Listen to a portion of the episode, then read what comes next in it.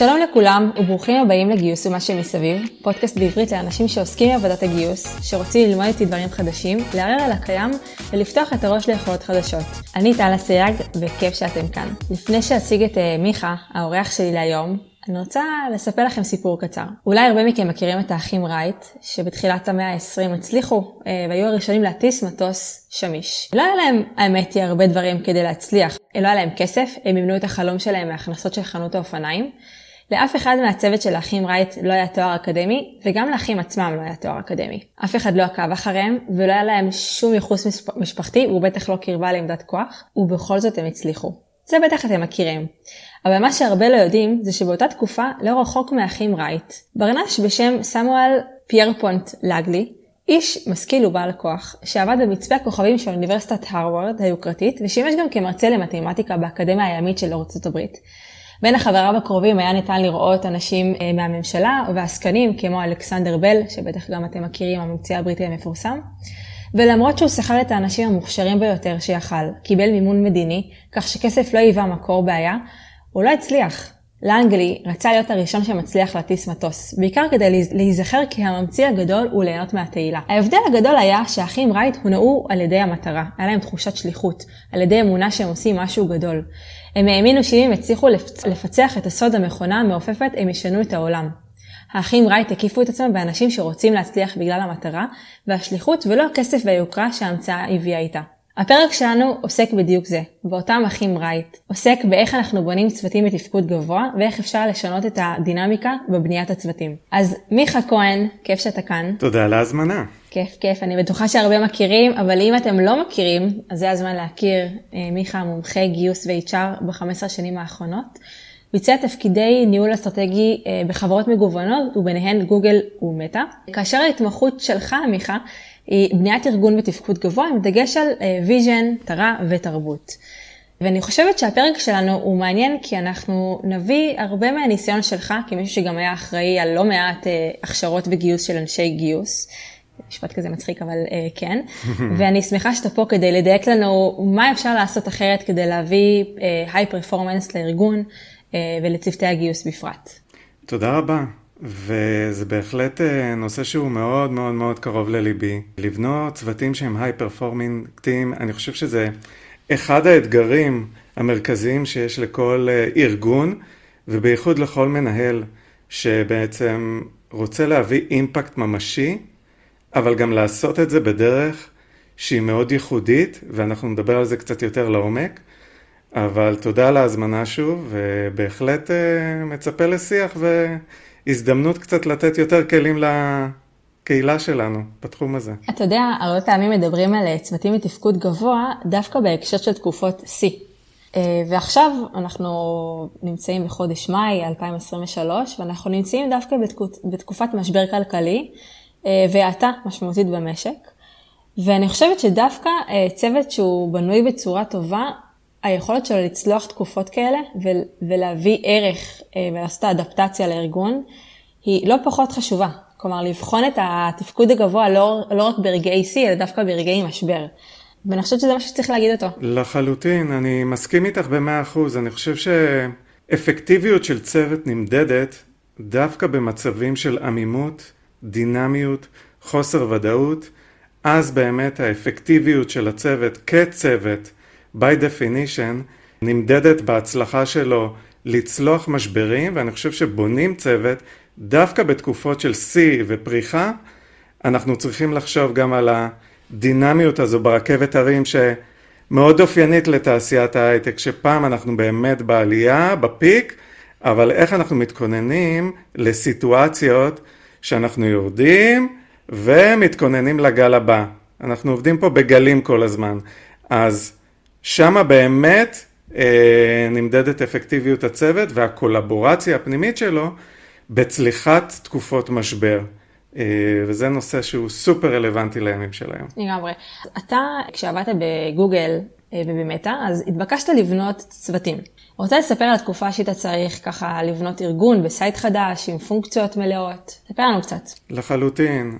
אני חושב שבאמת בגוגל למדתי איך צוות עובד באפקטיביות גבוהה וקולבורציה משמעותית, ובמטא הייתה לי ההזדמנות לבנות צוות בסקייל גבוה, ב-distributed teams.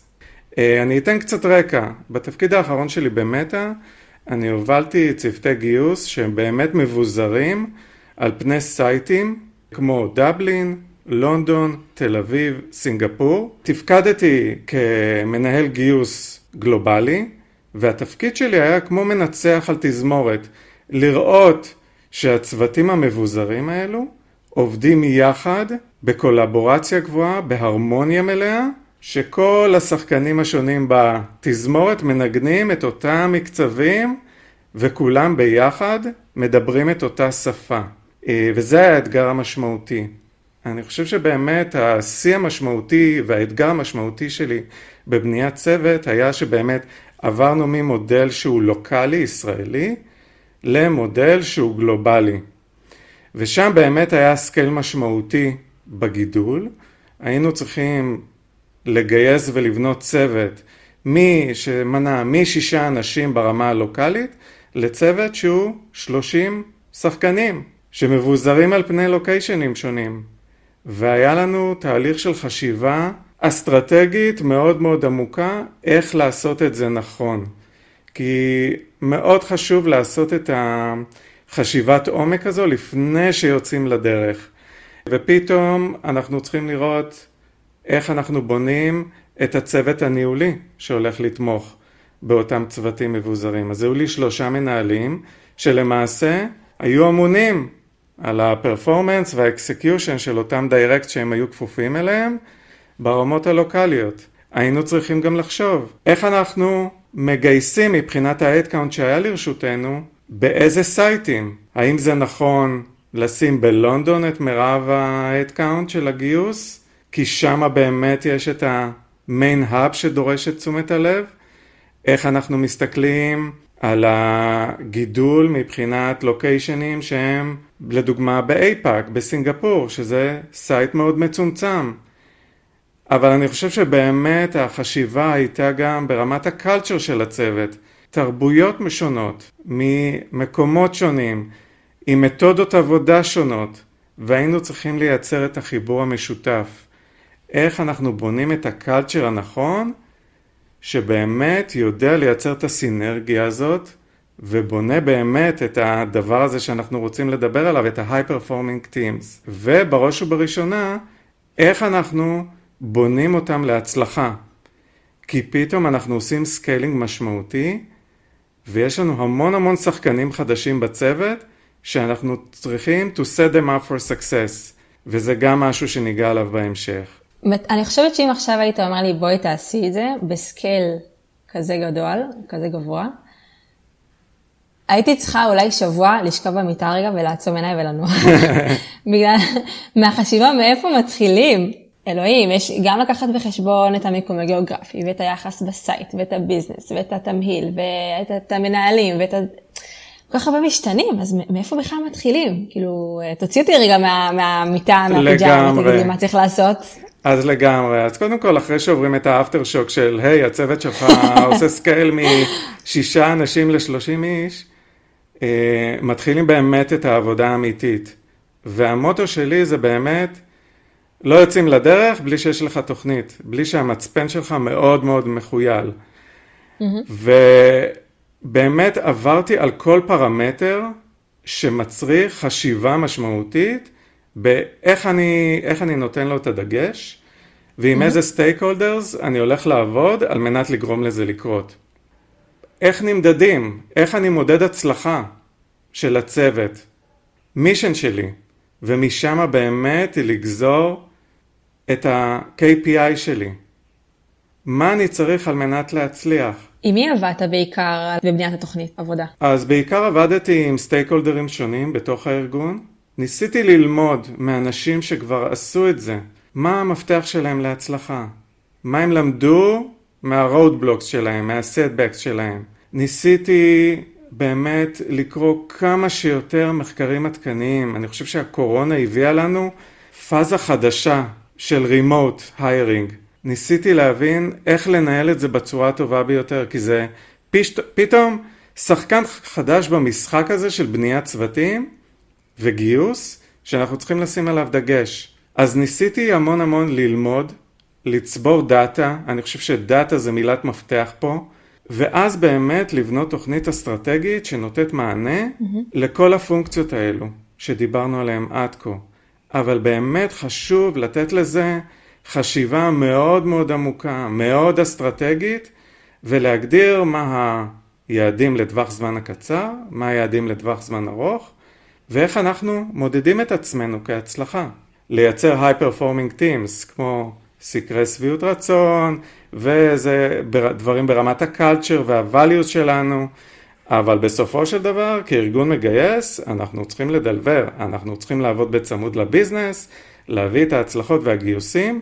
זה, אני חושב, ה-P0 שלנו, שאנחנו חושבים על מה הכי חשוב, ואיך אני מייצר תמהיל one team spirit בסופו של דבר. וזה פקטור מאוד מאוד חשוב ב... high performing teams. אז בואו ננסה לחשוב שנייה, נצלול פנימה לתוכנית העבודה הזאת ולנסות להבין קודם כל בשיקולים יותר אופרטיביים, כמו למשל איך בוחרים את המיקום הגיאוגרפי mm-hmm. ומה התמהיל seniority. לגמרי, אני חושב שזה סופר סופר חשוב. וכשאנחנו מדברים על diversity, אני חושב שפה זה באמת מילת מפתח גם באיך אנחנו בונים את, ה... את הפסיפס הזה, את הפאזל הזה. ושאנחנו רוצים לייצר צוות שהוא מבוזר במהות שלו, אבל מאוד אליין, אנחנו חייבים לתת את המנעד הזה שלאנשים יהיה את ה-voice שלהם, את המקום שלהם, שהם יוכלו להביא את האימפקט, שיוכלו לראות שהם באמת תורמים למשימה, אבל גם מצד שני יש להם את המקום הזה שבאמת הם מרגישים מוערכים, מרגישים תורמים.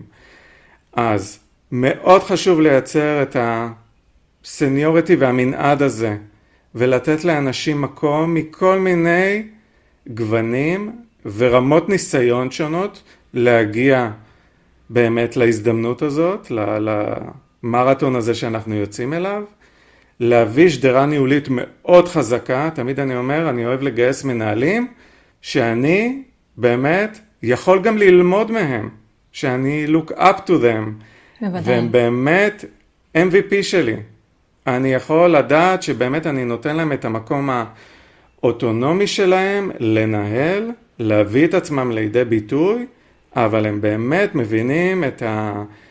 את המישן ברמה מאוד מאוד גבוהה, שהם יודעים לתרגם את האסטרטגיה לדרכי ביצוע. אז באמת היה לי קודם כל חשוב באמת לבנות את השחקנים הראשיים, את אותם מנהלים שבאמת ידעו להבין את ה vision, לעבוד יחד איתי, גם לאתגר אותי מהצד השני. מצד שני, לתת להם את המקום באמת לבנות את הצוותים שלהם, אבל גם לבנות אותם בצורה שבאמת היא מייצרת את השונות הזאת מבחינת ה location ים, מבחינת ה seniority, וגם נותנת להם את המקום הזה שבאמת מאתגרת אותם מהצד הניהולי של, hey, זה משהו חדש. פתאום אני מנהל מישהו מתל אביב, אני לא מכיר את השוק התל אביבי, אני לא יודע איך לעבוד עם התרבות של הישראלים, זה מאוד מאיים על חבר'ה מ... שלא מכירים את התרבות הישראלית, או, לחד, או מצד שני, מנהל שהוא יושב פה בתל אביב, ופתאום הוא צריך ללמוד את התרבות הבריטית, איך מגייסים לדבלין, איך השוק והמועמדים אה, באייפאק עובדים, אבל אני חושב שבסופו של דבר, כשמסתכלים על השחקנים האמיתיים, והשחקנים האמיתיים של הצוות זה המגייסים והסורסרים שלנו, לשם אנחנו באמת צריכים לתת את הרזולוציה המאוד מאוד עמוקה. ואני חושב שבסופו של דבר, כשאנחנו מתעסקים ביחס של הצוות מבחינת לוקיישנים, קודם כל זה מאוד חייב להיות מאוד אליין לביזנס ניד. אם מירב הגידול והטראג'קטורי והיחס בין הסייטים הוא כזה שאני חייב לתרגם אותו ביחס ישיר לתת מענה ל business, לתת מענה לכמות ה headcount שהולך לגדול, ולתת מקום ליחס הזה גם, בין היתר, או למשתנה הזה, שגם אם אתה יושב בלונדון ואתה מגייס או sourcer, אני רוצה שתבין מה קורה בשוק הישראלי או בשוק uh, בסינגפור, על מנת לייצר את ה-agile state of mind, את הדינמיות הזו, שלא משנה איפה אתה יושב, התרומה שלך והיכולת שלך to pivot בין לוקיישנים. אני חושבת שממה שאתה בעצם אומר, אה, למעשה, שהמצפן העיקרי שאמור להנחות אותנו בבחירת המקום הגיאוגרפי, היחס, הבחירת המנהלים והסניוריטי של הצוות, זה בראש ובראשונה ה-business needs, הצורך העסקי שמניע אותנו בכלל לגדול ולגייס. עכשיו, אני כן חושבת שצריך להתייחס לעובדה שהתוכנית העסקית או ה-business אה, needs שאנחנו מדברים עליו, הוא משפיע גם על בחירת הפונקציות. כי אם עכשיו למשל ה-business needs אה, דורש ממני לגייס עכשיו 25 אה, SDRים בדבלין למשל. האם זה ישפיע על איזה סוג של מגייסים אני אגייס? סביר להניח שכן, אני ארצה אנשים שיתנסו אה, בגיוס של אנשי מכירות, אנשים שמכירים את ה-life cycle של, אנשי, של תחום ה sales. גם ההבנה העסקית וה-headcount והתוכנית הגדילה שהארגון אליו נדרש, היא המשתנה בין החשובים לבחירת ה seniority והמורכבות הארגונית שאנחנו ניגשים לגייס. חד משמעית. מה שמעניין זה שגם בספורט רואים את זה, וגם אה, בדוגמה של אותם האחים רייט, שכשאתה מגייס את האנשים שהם ה top talents וכולם נמצאים ביחד, בהרבה מקרים זה פשוט לא עובד. הרבה פעמים טאלנטים מגיעים מסיבות שונות, אבל כאשר אתה מצליח לחבר את הגיוס לאיזשהם מטרות משותפות, אה, ולאו דווקא כולם צריכים להיות מנוסים, אתה בעצם מצליח להביא איזשהו פורמינג הרבה יותר מגובש, עם תוצאות גבוהות יותר. בוא נדבר שנייה אולי על האלמנטים אה, של כל פרסונה, כלומר, מה הופך את הצוות להיי פרפורמינג. אה, בין אם זה אלמנטים התנהגותיים, פרסונות, אה, מה צריך להיות משותף אליהם, או מה אמור להיות דווקא גם שונה. בואו ניקח את השיח טיפה לשם. מעולה. אז באמת אחד הדברים אה, העיקריים שלמדתי בגוגל דווקא על איך צוות עובד באפקטיביות גבוהה, בפרודוקטיביות גבוהה, זה באמת יצא לי להתנסות בגוגל, ואני מדבר כאילו על גוגל של לפני שבע שנים, שמונה שנים. היינו צוות של ארבעה מגייסים סך הכל. זה פשוט לא להאמין את היחס בין הכמות הנשים שעובדת, לעומת הפרודוקטיביות שייצרנו. ואני חושב שבגוגל באמת השקיעו המון המון המון מבחינת מחקר באיך לייצר ולקבוע מה המשתנים שבאמת מייצרים צוות שעובד באפקטיביות גבוהה.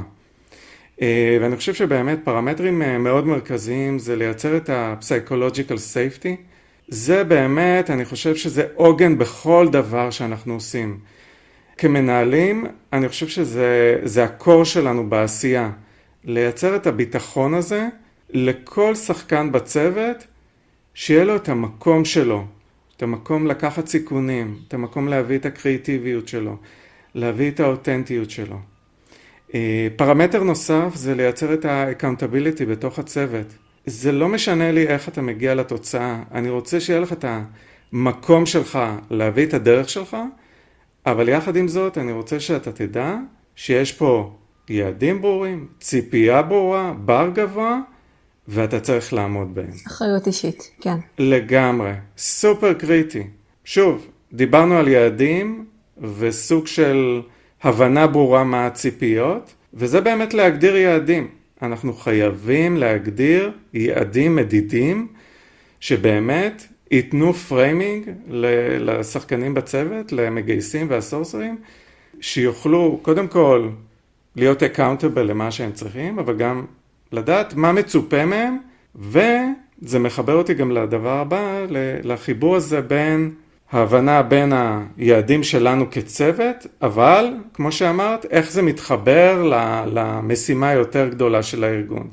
וזה מאוד מאוד חשוב לייצר את החיבוריות הזאת, כי בסופו של דבר אנחנו רוצים לייצר אימפקט שמביא תרומה ממשית בעשייה שלנו למשימה היותר גדולה של הצוות, ובסופו של דבר זה גם מתרגם ליכולת של המגייסים והסורסרים לקבל את ההוקרה על העבודה הקשה, לתת להם להרגיש ערך למה שהם עושים. מביאים את הצבע, שכל אחד יביא את הצבע האישי שלו. יכולת באמת לאתגר את השיח שלנו בפרספקטיבות שונות. תמיכה הדדית וערבות הדדית. אם מישהו צריך עזרה, או מישהו יכול לתת ידע, יהיה את המקום של הסביבה הבטוחה להישען אחד על השני. וגם מצד שני גם לתת פידבק אמיתי, כנה, בונה, על מנת לבנות את זה יותר טוב קדימה. מה שאתה בעצם אומר מאוד מתחבר למודל טקמן, אני מניחה שאתה מכיר את המודל, מודל שמדבר על, על ארבעה שלבים, אולי ככה תכף נראה איך הארבעה שלבים האלה באו לידי ביטוי בתקופה שהייתי עם אה, ארבעה חברי צוות בגוגל. בכיף. אבל אולי שנייה נעבור על המודל אה, בזריזות למי שלא מכיר, אה, ותשלים אותי במידה ואתה מוצא לנכון.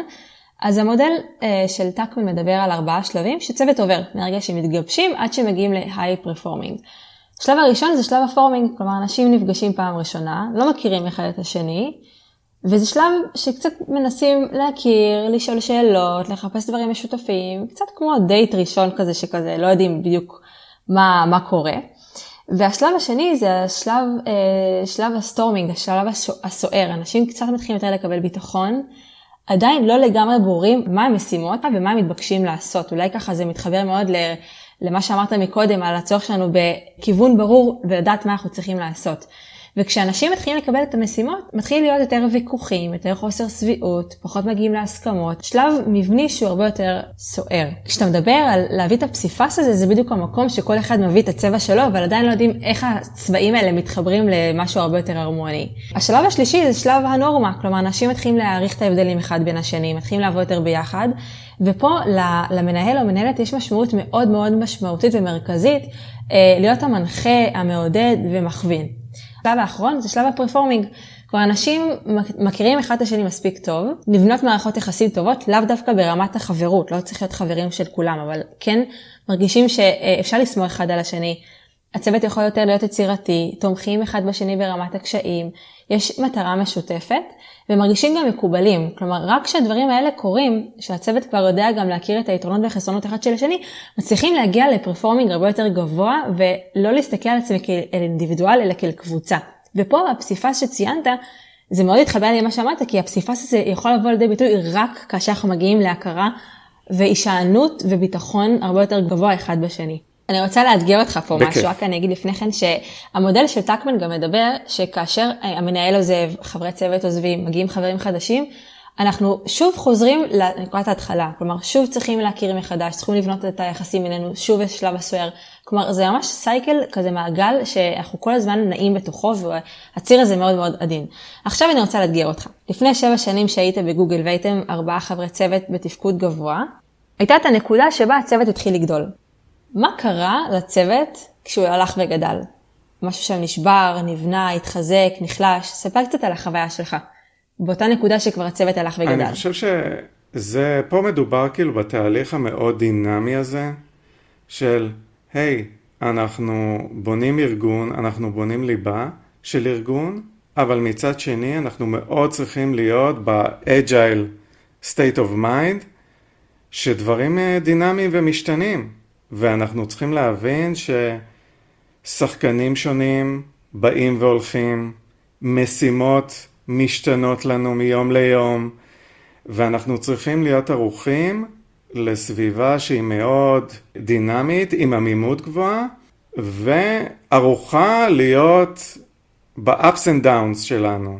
ואני חושב שברגע שאנחנו מייצרים את הקור המאוד חזק הזה, הרזיליאנס שלנו נבנה, והיכולת שלנו באמת לנווט באותם מצבים היא מאוד מאוד גבוהה.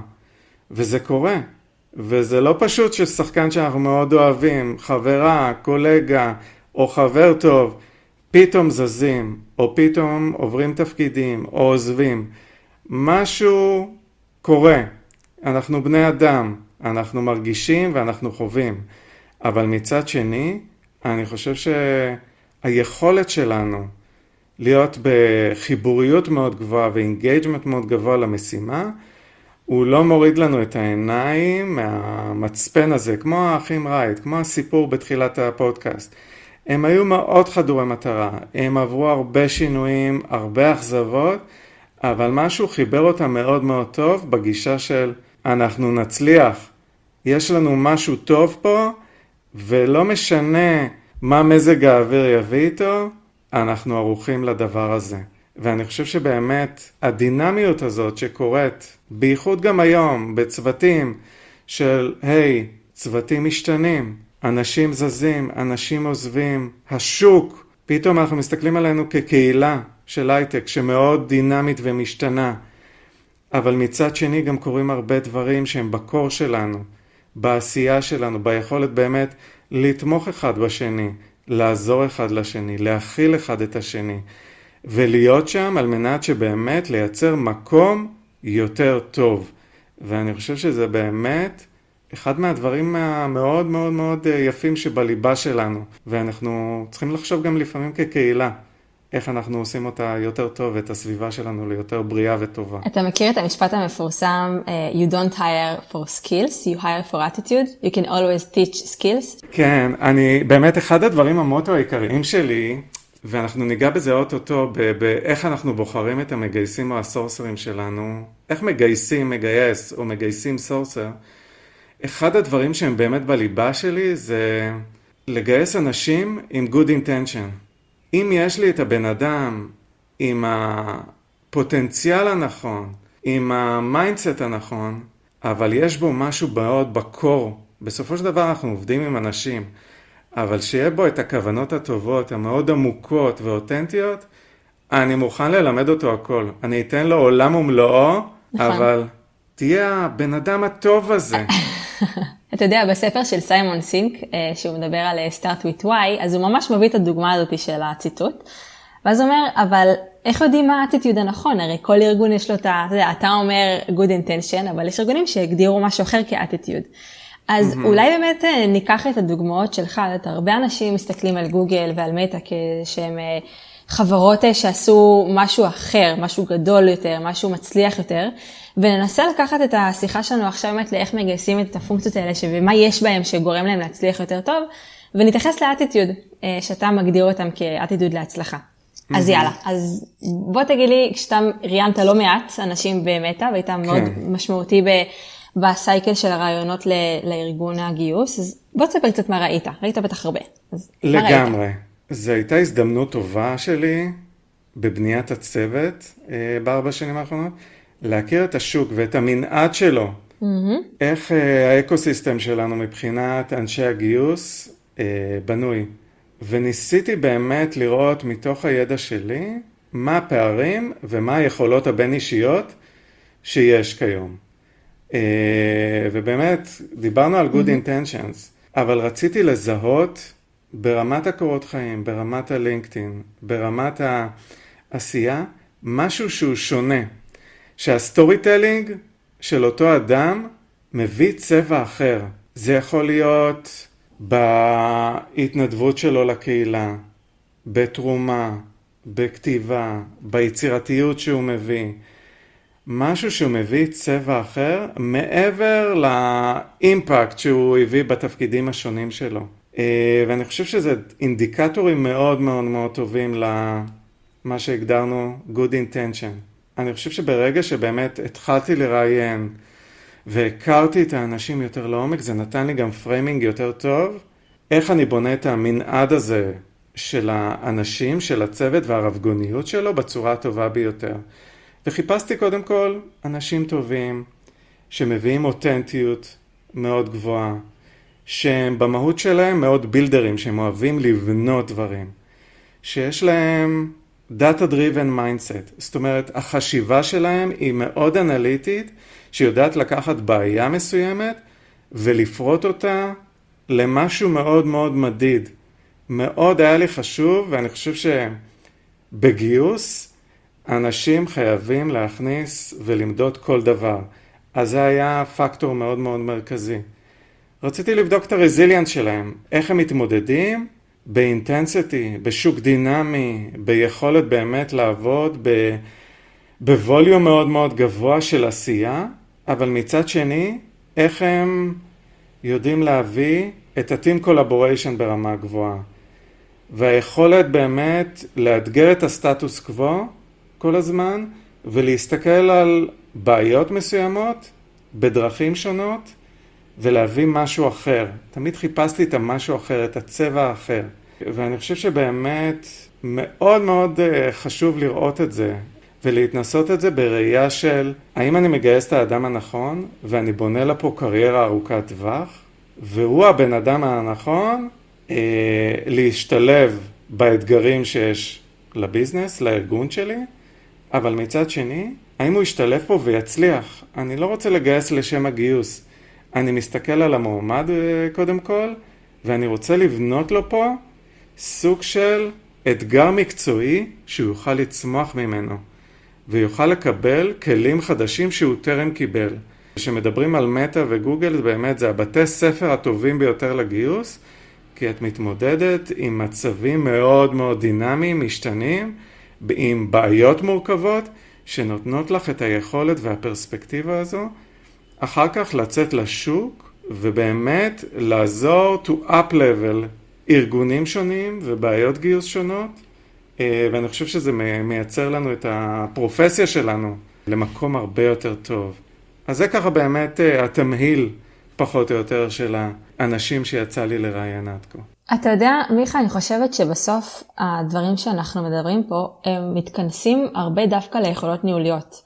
כלומר, בחירת חברי הצוות שאנחנו מגייסים אלינו לארגון, היא בוודאי אלמנט אה, ויכולת גיוסית מאוד גבוהה, אבל יש פה גם אה, צורך ניהולי משמעותי כדי לגרום לפרפורמנס הזה או לתפקוד הגבוה לעבוד טוב. למשל, אנחנו יודעים שכאשר אנחנו לא לגמרי מבינים מה המטרה או מה מצופה מאיתנו, או באמת יצירת עמימות, כלומר, ככל שיש יותר עמימות בצוות או בארגון, אנחנו נראה ירידה באפקטיביות, והתפקיד הניהולי פה הוא מאוד משמעותי ביכולת שלנו לצמצם את החוסר ודאות ולהמשיך להכווין את הצוות למקום הנכון, קצת כמו חץ שמכווין קדימה. אה, גם כל מה שקשור לאמון ולטראסט, בדיוק ככה העונה נפתחה אה, של הפודקאסט אה, עם סטפני שדיברנו על, על האמון, איך בונים אמון ואיך מצמצמים אגו. וגם פה, כלומר, כאשר אני יודעת שאני יכולה לסמוך על חברי הצוות שלי, יש בזה משהו שהוא נורא תרבותי והרבה ניהולי. כלומר, היכולת של, של, של המנהלים לייצר פה תשתית של אמון.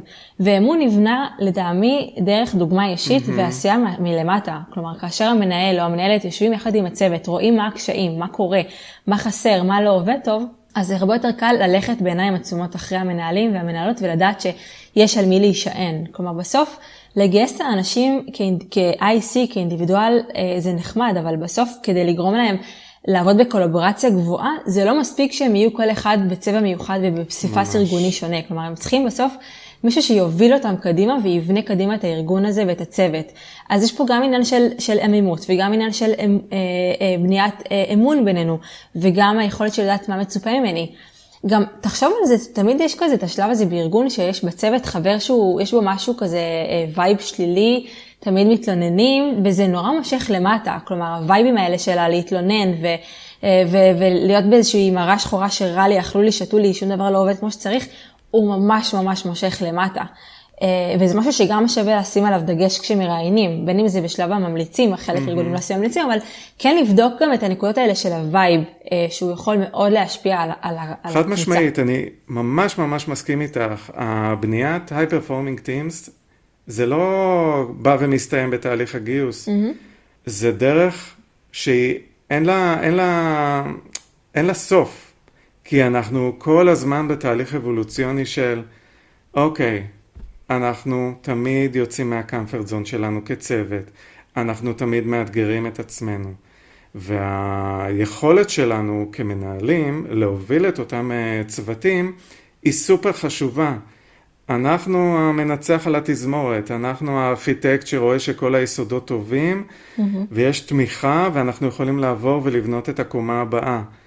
וזה מאוד חשוב, אלמנטים כמו שדיברת עליהם, כמו שקיפות, תקשורת פתוחה, יכולת באמת להשקיע המון ב-well-being של הצוות, ביכולת באמת לייצר cross-team collaboration כל הזמן, במקום הזה של הפתיחות שאנחנו עושים ונטילציה, חוגגים הצלחות, מוקירים טובה, תודה על עשייה ותרומה, ורואים איך כל הזמן אנחנו מחוברים ומביאים את האימפקט שלנו לארגון ברמת העשייה שלנו.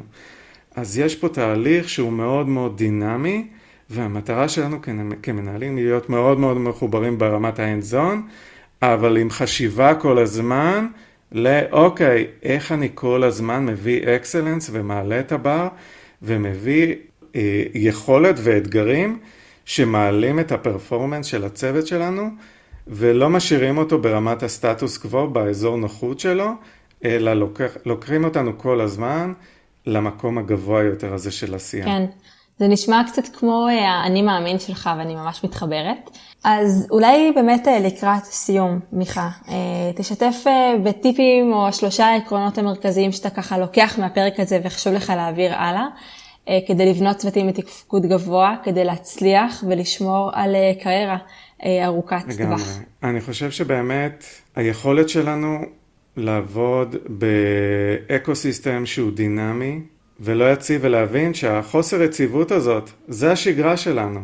זה שם המשחק בהייטק, להיות בסביבה מאוד דינמית ומשתנה ולהתאים את הדפוסי חשיבה והעשייה שלנו למצבים מאוד משתנים ודינמיים.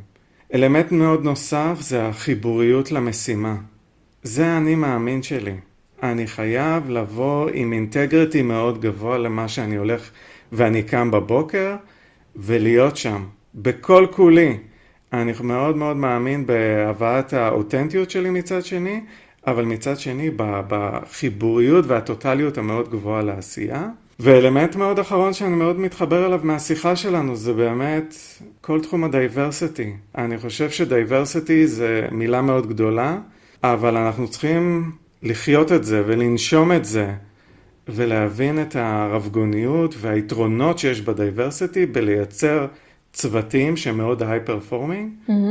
אבל גם כשאנחנו בונים את הצוות, מאוד חשוב לראות את הרבגוניות בצוות. לא רק מבחינת הדעות, גם מבחינת הרקע של האנשים, התרבויות, הגישות. זה מייצר פסיפס, כי בסופו של דבר, כשאנחנו בונים מוצרים, או בונים חברה או סטארט-אפ, אנחנו רוצים שהוא יהיה סקיילבל. וכך גם הצוותים צריכים להיות. נכון, ממש מסכימה. אז מהצד שלי לסיכום, אה, שככה נסגור את הפרק, אז דיברנו על האחים רייט אה, ועל הרצון שלהם לעשות משהו שהוא מאוד גדול עם מטרה, אה, ולאו דווקא עם כסף וכוח. ואני חושבת שיש פה אמירה שהיא משמעותית, כלומר ארגונים יכולים לעשות גיוסים איכותיים ולבנות צוותים מתפקוד גבוה, לא ממקום של אנשים שהם רק טאלנטים או אנשים שיש להם יכולות יוצא דופן, אלא צריך שאנשים יגיעו מהמסיבות הנכונות. כל ארגון מגדיר לעצמו מה הסיבות הנכונות, ועלינו לוודא שאנחנו מגייסים את האנשים מהסיבות הנכונות, שהם מגיעים כי הם מתחברים למטרה ולצרכים הארגוניים שלנו. ועלינו המנהלים לעשות את כל המאמץ לגרום להם לעבוד בסביבה של צמיחה, של ביטחון ושל אפשרות לטעות אה, לצד אחריות אישית. אני רוצה להודות לך מיכה על השיחה ועל השיתוף הכנה. ואני בטוחה שאנחנו, אה, זה רק התחלה של קשר אה, בינינו. תודה רבה טל על ההזדמנות, ובאמת שיחה סופר מרתקת, ואני חושב שבאמת זה אחד הדברים שבאמת, זה ongoing conversation, וזה כיף שנתנו קצת צבע. נכון. מהצד שלנו, כן, של גיוס ו-HR. לגמרי. אז תודה לכם שהאזנתם עד עכשיו. אני מחכה לכם כולם אה, בקבוצת הפייסבוק, גיוס מה שמסביב, מקף הקבוצה. גם אני וגם מיכה נהיה שם אה, לשיח אחרי הפרק. אה, וכמובן, תודה רבה למאיה עידן, השותפה שלי בהפקה של הפודקאסט. עד כאן להיום, וניפגש שבוע הבא. להתראות בינתיים.